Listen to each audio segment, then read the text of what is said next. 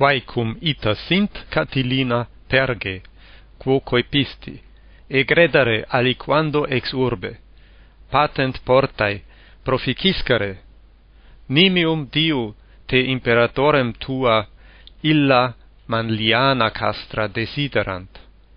Educ tecum etiam omnes tuos, si minus quam plurimus, purga urbem, magnum me metu liberabis dum modo inter me atque te murus intersit.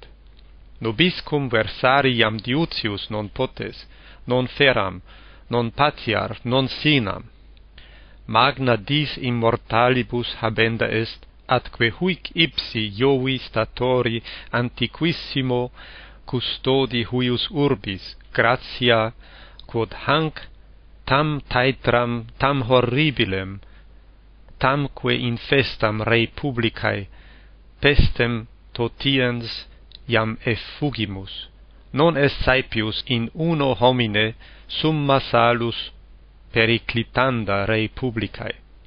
Quam diu mihi consuli designato, Catilina, insidiatus es, non publico me praesidio, sed privata diligentia defendi, cum proximis comitiis consularibus mei consulem in campo et competitores tuos interficere voluisti.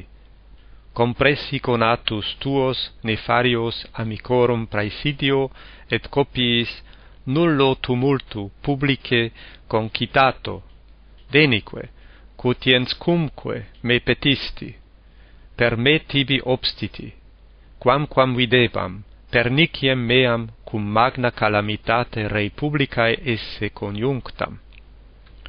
Nunc iam aperte rem publicam universam petis. Templa deorum immortalium, tecta urbis, vitam omnium civium, Italiam totam adexitium et vastitatem vocas. Quare, quoniam it, quod est primum, et quod huius imperii disciplinaeque maiorum proprium est, facere nondum audeo Faciam it quod est ad severitatem tenius, ad communem salutem utilius. Nam si te interfici iussero, residebit in republica reliqua coniuratorum manus.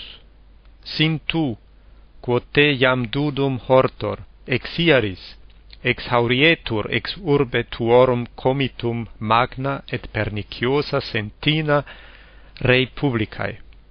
Quid est Catilina? Num dubitas id imperante me facere, quod iam tuas ponte faciebas? Exire ex urbe, iubet consul hostem, interrogas me, num in exilium non iubeo, sed si me consulis suadeo.